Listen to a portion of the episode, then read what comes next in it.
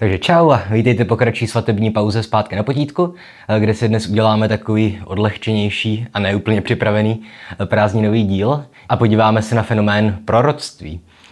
Především samozřejmě tak, jak je reprezentovaný v literatuře, ale nebudeme se omezovat jenom literaturou. No a podobně jako řada jiných společenských předsudků, tak víra v existenci a pravdivost proroků či proroctví je společná většině starších kultur, vlastně i novějších, a proroky nacházíme v antické, židovské a křesťanské i v čínské mytologii. No a proroctví je v literatuře eh, velké množství. Některá pocházejí od Boha či od Bohu z Malimbl. V takovém případě jsou prakticky vždycky naplněná.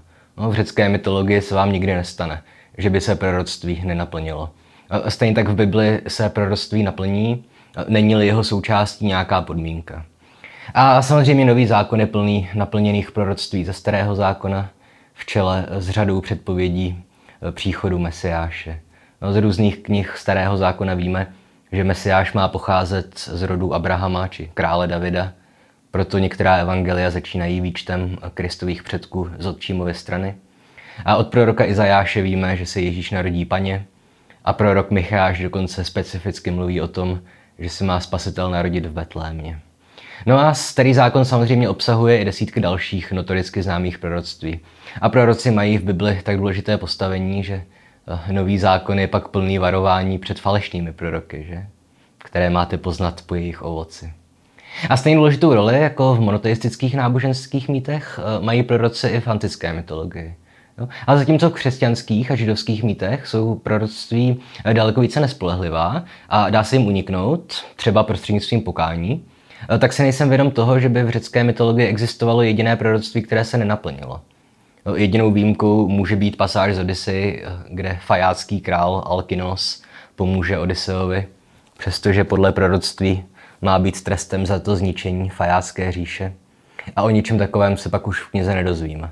No, to ale neznamená, že Poseidon pak království fajáků skutečně nezničil. Znamená to jen tolik, že Homer už se o jeho osudu dál nezmiňoval. No a proroctví je plná taky Iliada. Osobně mám moc rád příběh o trojské princezně Kassandře, která má sice dar proroctví, ale zároveň kledbu, že jejím proroctvím nikdo nevěří. No, takže když předpoví, že trojský kůň bude skázou Troje, tak se jí Trojané vysmějí. I když tohle už není součástí Iliady, ale to je jedno. A možná nejslavnější proroctví známe z krále Oidipa, no, tedy že zabije vlastního otce a ožení se s matkou. A jak víte, tak když se tohle proroctví Oidipovi rodiče dozví, tak pošlou sluhu, aby ho zabil, jenže on ho jenom odloží v lese. Později se ho ujmou adoptivní rodiče, aby dospělý Oidipus proroctví unikl, protože on neví, že jeho rodiče jsou adoptivní, tak uteče do cizí země, kde shodou okolností zabije svého biologického otce a ožení se se svou biologickou matkou. S níž splodí i několik dětí. Tedy klasický příklad toho, že před proroctvím neutečete, ať se snažíte, jak chcete. A v řecké společnosti mělo proroctví velice důležitou pozici i mimo mýty, jo, i v reálném světě. No, existovaly desítky proroků, orákulí, z nich asi nejznámější byla delfská věštkyně Pítie. A byly i desítky metod věštění. No, předpokládám, že ve věštecké praxi se nejčastěji používaly různé drogy, které měly zprostředkovat přímé spojení s bohy, ale věštilo se mimo jiné i z vnitřností ptáků a z vody. Používala se nekromancie i pyromancie, tedy věštby vycházející z rozhovoru s mrtvými či ze čtení ohně. A když říkám, že věštění bylo běžnou součástí antického diskurzu, tak o tom svědčí i to, jak se o něm v průběhu staletí diskutovalo. No třeba Sokrates měl být zastáncem věštců a sám se měl o věštby pokoušet. To též platilo pro Plutarcha nebo Herodota. A zatímco ale třeba římský senátor a řečník Ciceron tvrdil, že věštění je jenom pověra a věštci jsou šarlatáni. No, zkrátka pokrokový říman. No a libovolný řec, řecký král by nebyl nikdy vyrazil na vojenskou výpravu bez konzultace s orákulem. A pokud náhodou nějakému orákulu věžba nevyšla a bylo obviněné ze lži, tak tresty byly obvykle velice brutální. No a s tím pak souvisí i to, um, že věžci s oblibou používali extrémně vágní proroctví, která bylo možné interpretovat několika různými způsoby, z nichž některé byly často vyloženě protikladné. takže věžci pak nehrozilo, že ho někdo obviní z podvodu. Jo, asi nejslavnější příklad takového proroctví je věždba eh, té zmíněné Pytie, které se král Krojsos zeptal, co se stane, když vytáhne proti Peršanům. No a Pytie odpověděla, nebo spíš ty její kněží tu odpověď interpretovali tak, že pokud Krojsos překročí řeku Halis a vyrazí na Perzi, tak zničí velikou říši. Takže král si jenom řekl, že je tím míněna veliká perská říše, jenže problém byl, že Peršani ho porazili a král Krojsos tak sice zničil velkou říši, jenom, jenom že to byla říše jeho vlastní. A mimochodem tenhle typ předpovědi, které jsou buď příliš obecné nebo příliš víceznačné, eh, tak z něj, že otěží i ti současní šarlatáni, kteří píší horoskopy pro různé časopisy nebo, nebo weby. Protože když, dejme tomu kozorohům, předpovíte, že na ně v pondělí v práci či ve škole čeká velké překvapení, tak takové proroctví se prostě naplní, pokud mu věříte. Protože nějaká ta písemka nebo neočekávaná pracovní schůzka tak jako tak přijde. Že? No pokud jde ale o antickou literaturu, eh, tak něco jako falešné proroctví v ní neexistovalo. No, na rozdíl od skutečného antického světa. A popularitu proroctví v teistických společnostech eh, můžeme vysvětlit asi dost jednoduše tím, eh, že oni počítají s alespoň nějakou mírou fatalismu. Věří, že osudy lidí i osud světa jsou předurčené Bohem nebo bohy a logicky proto musí existovat možnost, jak budoucnost předpovídat. Proto se proroctví nejčastěji vysvětlují tím, že prorok či věštec má nějakou přímou telefonní linku buď na Boha s velkým B, nebo alespoň na nějaké politeistické bohy. Jo, nejčastěji to bývá Apollon, ale i, i jiní. No, když se ale přesuneme do středověku, nebo renesanční doby, uh, tam je to již s proroctvími komplikovanější, protože se daleko spíš uh, týkají nějakých individualit, uh, která jsou buď napojená na ďábla, nebo černou magii, a případně se pokouší o věžby e, nějakou rádoby vědeckou cestou. To byl i případ asi nejznámějšího skutečného středověkého proroka, e, francouzského lékaře Nostradama. Skutečným prorokem myslím, jako že to nebyla literární postava, ne, že byl skutečný prorok. No. A Nostradamus, e, jakožto správný renesanční člověk, on měl obrovský záběr a věřil, že budoucnost se dá vypočítat z pohybu hvězd. A přestože se mu několik předpovědí celkem povedlo, tak už za jeho života převládal názor, že je to celé kravina a je celkem s podivem, že dodnes Nostradáma různí lidé hájí a hájili nebo využívali ho i napříč ostatními staletími. Mimo jiné Josef Goebbels v nacistické propagandě příležitostně využíval některé Nostradámovy verše a interpretoval je tak, že mají předpovídat porážky spojeneckých vojsk. No a to je dané opět tím, že podobně jako Delfská Pítie psal Nostradamus svá proroctví v nesrozumitelných a mnohoznačných verších. Takže s trochou té interpretační ekolibristiky bylo možné obhájit prakticky cokoliv, co Nostradamus napsal. A tohle je mimochodem o to zajímavější, že sám Nostradamus se odmítal označovat za proroka. Považoval se za vědce. A z toho mála, co o něm vím, tak jeho metoda byla relativně jednoduchá a vlastně z dnešního pohledu i zajímavá. Protože on jakožto astronom dokázal předpovídat pohyby hvězd a znal i jejich dřívější polohy, takže pokud se v minulosti nějaká významná událost stala pod nějakou konkrétní konstelací, tak Nostradamus si spočítal, kdy se taková konstelace objeví znova a přiřadil k ní nějakou podobně významnou událost, jako byla ta, které došlo v minulosti. No a tohle je sice starý dobrý vědecký problém s tím, že korelace nerovná se kauzalita, ale hele, pohybujeme se v 16. století a věda prostě tehdy ještě nebyla na takové úrovni. No, takže Nostradáma asi bych úplně neodsuzoval. A kdyby Nostradamus věděl, že mezi postavením hvězd a pozemskými událostmi neexistuje žádná reálná souvislost, tak jakožto renesanční vědec by nejspíš sám uznal, že jeho proroctví jsou nesmysly. No, o to absurdnější je, že tolik lidí jim dodnes věří. No a podobně jako v realitě, tak i ve starší, no či současné literatuře, platí to, že proroctví nejsou primárně inspirovaná bohy, ale spíš jsou spojovaná s individuálními lidskými charaktery no, nejčastěji různými čarodějnicemi, ať už dobrými nebo zlými. A nemluvím mimochodem o žánru fantazy, který úmyslně reflektuje a reinterpretuje mytologie, takže je logické, že se v něm budou objevovat proroctví biblického nebo antického charakteru.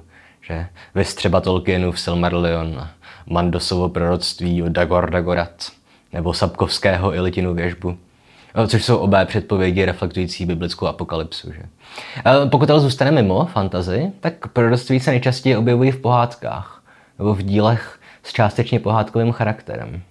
No a pokud jde o pohádky, tak v nich je v případě proroctví patrná jistá ironie, toho, že proroctví se většinou naplní právě proto, že se mu jeho recipienti či jejich ochránci snaží za každou cenu zabránit. No to je starý dobrý Oedipus style. No, šípkovou ruženku, že jo, má uspat jehla a tak dá pan král veškeré jehly a jim podobné předměty zakázat. Takže růženka se pak píchne právě proto, že ani neví, jak taková jehla vypadá. Že? Nedá si na ní pozor. Nebo v židovském příběhu o Šalamounově dceři dá král Šalamoun zavřít dceru do věže proto, že se má podle proroctví vdát za chudého mládence. No a tak logicky chudého mládence zanese na vrchol věže Orel a jelikož princezna je logicky emočně nenaplněná, nejenom emočně, eh, tak je ráda alespoň za nějakého milence a vezme si toho chudého mládence. Kapitalismus je opět poražen. Hm, otázka ale samozřejmě je, eh, jestli by se proroctví nenaplnila, i kdyby se tomu postavy z pohádek nesnažili aktivně zabránit. Že? To je potom časté téma v současné literatuře a vrátíme se k tomu zápětí. No a pokud jde o pohádky, eh, tak v nich můžou mít všechna tato proroctví je úplně jiný význam. A sice můžou sloužit jako prostředek na ukázání toho, že rodiče nemůžou tak úplně ovlivnit, co vyroste z jejich dětí. No, a není, no, není dobré nutit je k něčemu, co děti sami nechtějí. No, ale kdo ví, jestli to tak bylo myšleno. Ale ta interpretace mi připadá jako celkem očividná. Ale teda asi nejslavnější příklad proroctví ze středověké nebo novověké literatury, které má známého autora, a nevychází pouze z lidové slovesnosti, je samozřejmě Shakespeareův Macbeth, kterému jedna z čarodějnic předpoví, mimo jiné, že mu nemůže ublížit nikdo zrozený z ženy a že nebude poražen, dokud proti jeho hradu nevyrazí na útok les.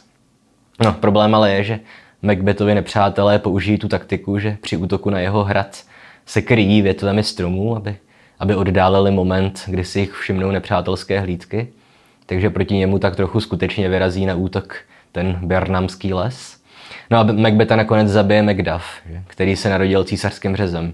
Takže ho technicky neporodila žena, ale nějaký lékař nebo ranohojič ho z ženy výmul. No.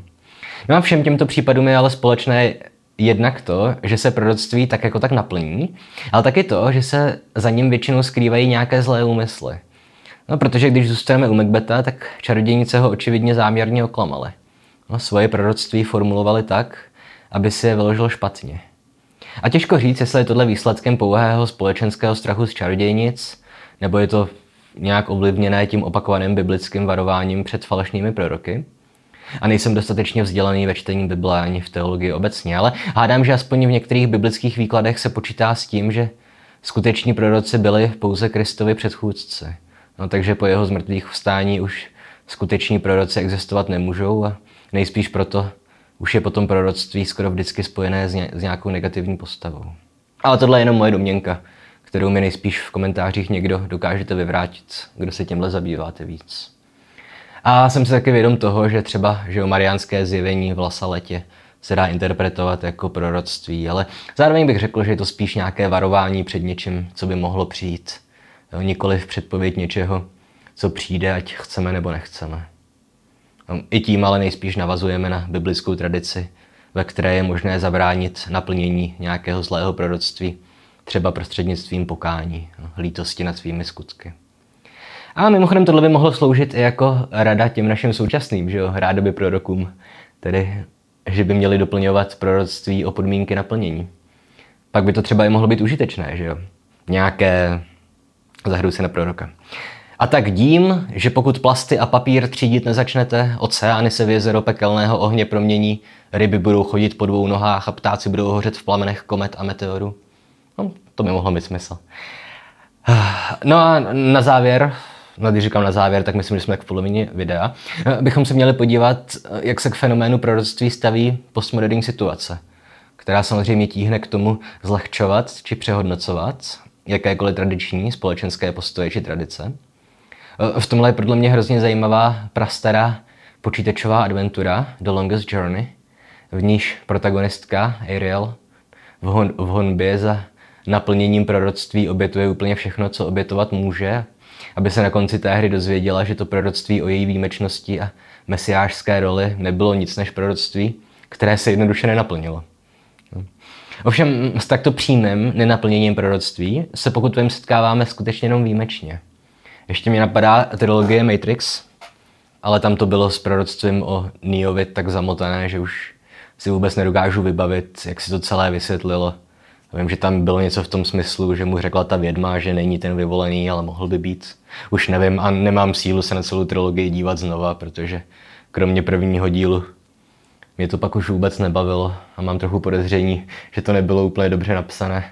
I když je samozřejmě dost možné, že jsem to prostě jenom nepochopil.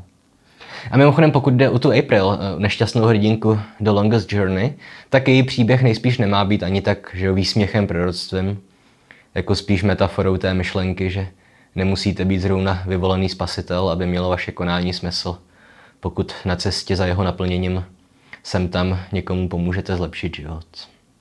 No a zároveň se pak v moderních textech více pracuje s konceptem takzvaného sebenaplňujícího proroctví. Odborně se tomu říká Rosenthalův efekt. A jedná se tedy o narrativ, v němž dojde k naplnění proroctví pouze proto, že jim postižené postavy znají jeho znění. A samotné proroctví není závazné, nemusí dojít k jeho naplnění. Takže tohle známe z Pána prstenů, ze zrcadla Galadriel, kde ona sama, myslím, říká, že to její zrcadlo ukazuje věci, ke kterým by mohlo dojít, ale, ale nemusí. A nemůžeme samozřejmě nevzpomenout Harryho Pottera, kde nám to Brumbál vysvětlí pěkně polopaticky. Řekne, že kdyby Voldemort neznal proroctví, nebo si místo Harryho Pottera vybral, že jo, Neville Longbotoma za cíl, tak proroctví samotné by nemělo žádný efekt. A podobně je to nejspíš že jo, ve třetím dílu s druhým proroctvím té Sibily Trlavnyové, nebo jak se jmenuje. Pravděpodobně, kdyby to proroctví Harry neslyšel, tak by pak nedělal všechny ty skopičiny, které následovaly a Pettigriovi by se nepovedlo Voldemorta oživit. A pokud jde o nějaké vědecké pozadí Rosenthalova efektu, tak zmínky o sebe naplňujícím se proroctví nebo sebenaplňující se předpovědi se začaly v různých psychologických nebo sociologických kruzích objevovat už v 17. století. Z něhož pochází první příklad popsání jevu a přišel s ním francouzský filozof eh, Pierre Gassendi, nebo jak se to čte, který vyskoumal, že když se lidi nechají předpovědět budoucnost, eh, mají pak sklon napomáhat aktivně tomu, aby se ta předpověď naplnila. A může to být negativní i pozitivní předpověď. To je o to vtipnější, když vám někdo předpoví něco špatného a vy nevědomky, ale přesto tomu aktivně pomůžete. No a podobným problémům se později věnovali taky že psycholog Sigmund Freud a sociolog William Thomas. A první knihu na to téma napsal až v roce 1957 sociolog Robert King Merton. A z té jeho knižky Social Theory and Social Structure pochází asi nejznámější příklad, který se často užívá i v ekonomii. Že? A sice ten příklad s imaginární bankou, která sice prosperuje a vede si po všech směrech dobře, ale když se jednoho rána před bankou objeví velký dav lidí, který si chce nechat nebo který si chce vybrat své úspory, tak se začne šířit pomluva, že banka je na pokraji krachu. No a ten dav lidí se neustále zvětšuje a ve výsledku banka skutečně zkrachuje. No, protože můžete mít sebe lépe prosperující banku, ale když si všichni vaši klienti rozhodnou vybrat si své úspory, tak neexistuje možnost, jak tu banku držet naživu. A, a co je pro mě v této souvislosti ještě zajímavější, no, osobně zajímavější, je takzvaný Rosenthalův, Rosenthalův experiment z roku 1968. Proto se tomu fenoménu konec, konečně říká, že Rosenthalův efekt. A tam se jednalo o chování učitelů, kterým, když někdo řekl, že ti a ti studenti jsou obzvláště chytří a nadaní, tak oni pak měli sklony je častěji vyvolávat, více je chválit a přestože dotyční byli ve skutečnosti jenom průměrní studenti, tak jejich prospěch se za ten rok trvání experimentu výrazně zlepšil. No, tedy tohle je velice užitečný experiment už proto, že díky němu víme, že my jako učitelé spíš tíhneme k tomu vylepšovat už tak výborné studenty, než abychom se snažili pomáhat těm objektivně slabším. No, taky si tím možná usnadňujeme práci, že vyvoláváme ty lidi, o kterých víme, že správně odpovědí. Těžko říct. A upřímně, já jsem vždycky dělal to tež. Postupem času jsem si vždycky vytipoval těch několik studentů, ve kterých jsem viděl potenciál a ty ostatní jsem nechal jejich osudu. Ne, že bych je nějak úmyslně poškozoval, ale třeba jsem jejich seminárky opravoval více ledabile. Takže oni měli radost, že mají lepší známky a já měl radost, že jim nemusím věnovat tolik času. Ale hele, na výšce to je něco jiného. Že? Tam si tak tak jako tak očekává, že bude velký úbytek studentů a že jenom ti nejlepší to můžou někam dotáhnout. Eh, každopádně tenhle relativně nový objev, popisující ty sebe naplňující se proroctví, eh, tedy v celku vydatně reflektuje současná literatura. Jo, to, ať už se jedná doslova o proroctví, jako by byl zmíněný příklad Harryho Pottera, či film Jáchem a hodil stroje, že? tam je to taky krásně vidět. A nebo se jedná o reálné aplikaci toho fenoménu, jako jsou například pomluvy, které ve výsledku dokáží zničit fungující biznes. Nebo situace, kdy nějakému dítěti tak dlouho říkáte, že roste pro šibenici, až z něj nakonec skutečně vyroste kriminálník. Třeba prostě proto, že kvůli nějakým vašim předsudkům nedostane šanci následovat nějakou jinou a pokud možno legální kariéru. No a napadá mě i kacířská myšlenka, že tak trochu výsledkem sebe naplňujícího se proroctví může být i současný stav stát Izrael. Že? Protože pokud vím, tak starozákonní prorok Izajáš předpověděl něco v tom smyslu, že Izraelité budou rozprášení po celé zemi, ale nakonec se jim povede obnovit vládu nad Jeruzalémem. A nebýt toho proroctví, tak kdo ví, jestli by v 19. a 20. století bylo tak silné sionistické hnutí a jestli by židé nakonec skutečně získali vládu nad Izraeli. Ale nevím, že jo, nejspíš jo. Kde zkrátka po holokaustu se takové řešení jevilo jako nejrozumnější. I když retrospektivně vidíme, kolik problémů způsobil. A z těch problémů mimochodem ani náznakem neobvinuju židovské obyvatelstvo. Jenom zkrátka říkám, že to tak je. Ale to jsou tedy nějaké příklady ze současného světa. Ale zajímavé by taky bylo pokusit se aplikovat vlastně ten nově popsaný Rosenthalův efekt i na původní proroctví známá z antické literatury, či z reálných událostí antického světa. Protože ano, stoprocentní platnost proroctví v antických mýtech byla daná fatalismem těch dobových řeků i důvěrou v bohy. Hmm, Oidipus, Oidipův příběh ale může sloužit jako typický příklad eh, Rosenthalova efektu. Protože kdyby král Laios nerozhodl, že, že se Oidipa v dětství zbaví, dokážu si představit, že by ho Oidipus v dospělosti z nějakého důvodu tak jako tak zabil, ale už si moc nedokážu vysvětlit, jak by se potom mohl oženit s vlastní matkou. Že? I kdyby to byl sebevětší padouch a fanoušek incestu, tak by si to nemohl dovolit kvůli PR. No a stejně tak král Kroisos by asi nevyrazil bojovat proti perské přesile, kdyby mu ta Píty nepředpověděla, že zničí velkou říši. No co mi ale s tématikou proroctví přijde úplně nejvtipnější je to, jak, jak hodně lidí v současné době věří různým kartářkám a astrologům. Jo, jsou to často inteligentní lidé, kterým věří. Jo, a jak často je jedna z prvních otázek v rámci small talku, jaký je člověk znamení. Že? Blížené, co už mi nikdy nepiš. A tohle všechno je podle mě taky jen jeden z vedlejších produktů postmoderní situace, aspoň částečně, kdy lidi ztratili důvěru ve všechny ty metanarrativy, ať už vědecké nebo náboženské. No a pokud se nemůžete, nemůžete spoléhat na vědu ani na církev a, zároveň se nechcete nechat ovládnout postmoderním nihilismem, pak se jeví jako docela logické řešení to, že když se dostanete do nějaké obtížné životní situace, rozhodnete si ji konzultovat s kartářkou či astrologem místo nějakého vědeckého odborníka a místo na svaté texty spoléháte na, na Coeliano. A nemusím ani zdůrazňovat, že je to pak velice často velký špatný, když někomu kartářka, dejme tomu, předpoví, že by se měl rozejít se svým partnerem, i když to ve skutečnosti nikdo nechce. Na druhou stranu možná nemá cenu něco takového přičítat postmoderní situaci nebo jen a pouze postmoderní situaci, protože věždbám a prorokům zkrátka lidi věřili od jak živa ve všech kulturách on taky nejspíš pravděpodobnější, že tak nějak patří k esenci člověka to, že má potřebu věřit na nějaké nadlidské síly, na osud, který on sám nedokáže a nemůže ovlivnit.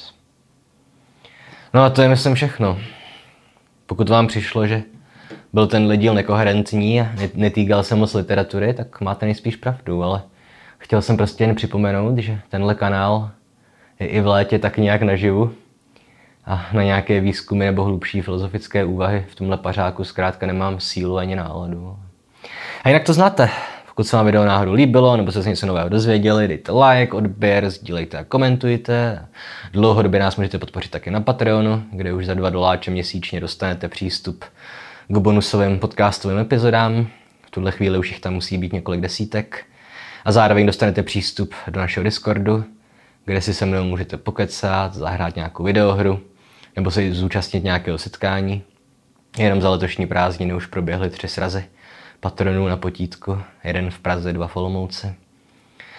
Můžeme ho uspořádat i kdekoliv jinde, s výjimkou Brna. Já se Brna bojím. A kromě toho ještě taky pomalu, ale jistě rozjíždíme i náš Twitch. Jak vidíte, tak jsme poněkud upgradeovali systémy počítačové a chystám se hrát mimo jiné Bioshock, Stanley Parable a řadu dalších her. Takže přihlašte se na nás Twitch, ať ať vám to napíše, pokud budu vysílat. A to je, myslím, pro dnešek úplně všechno a čau.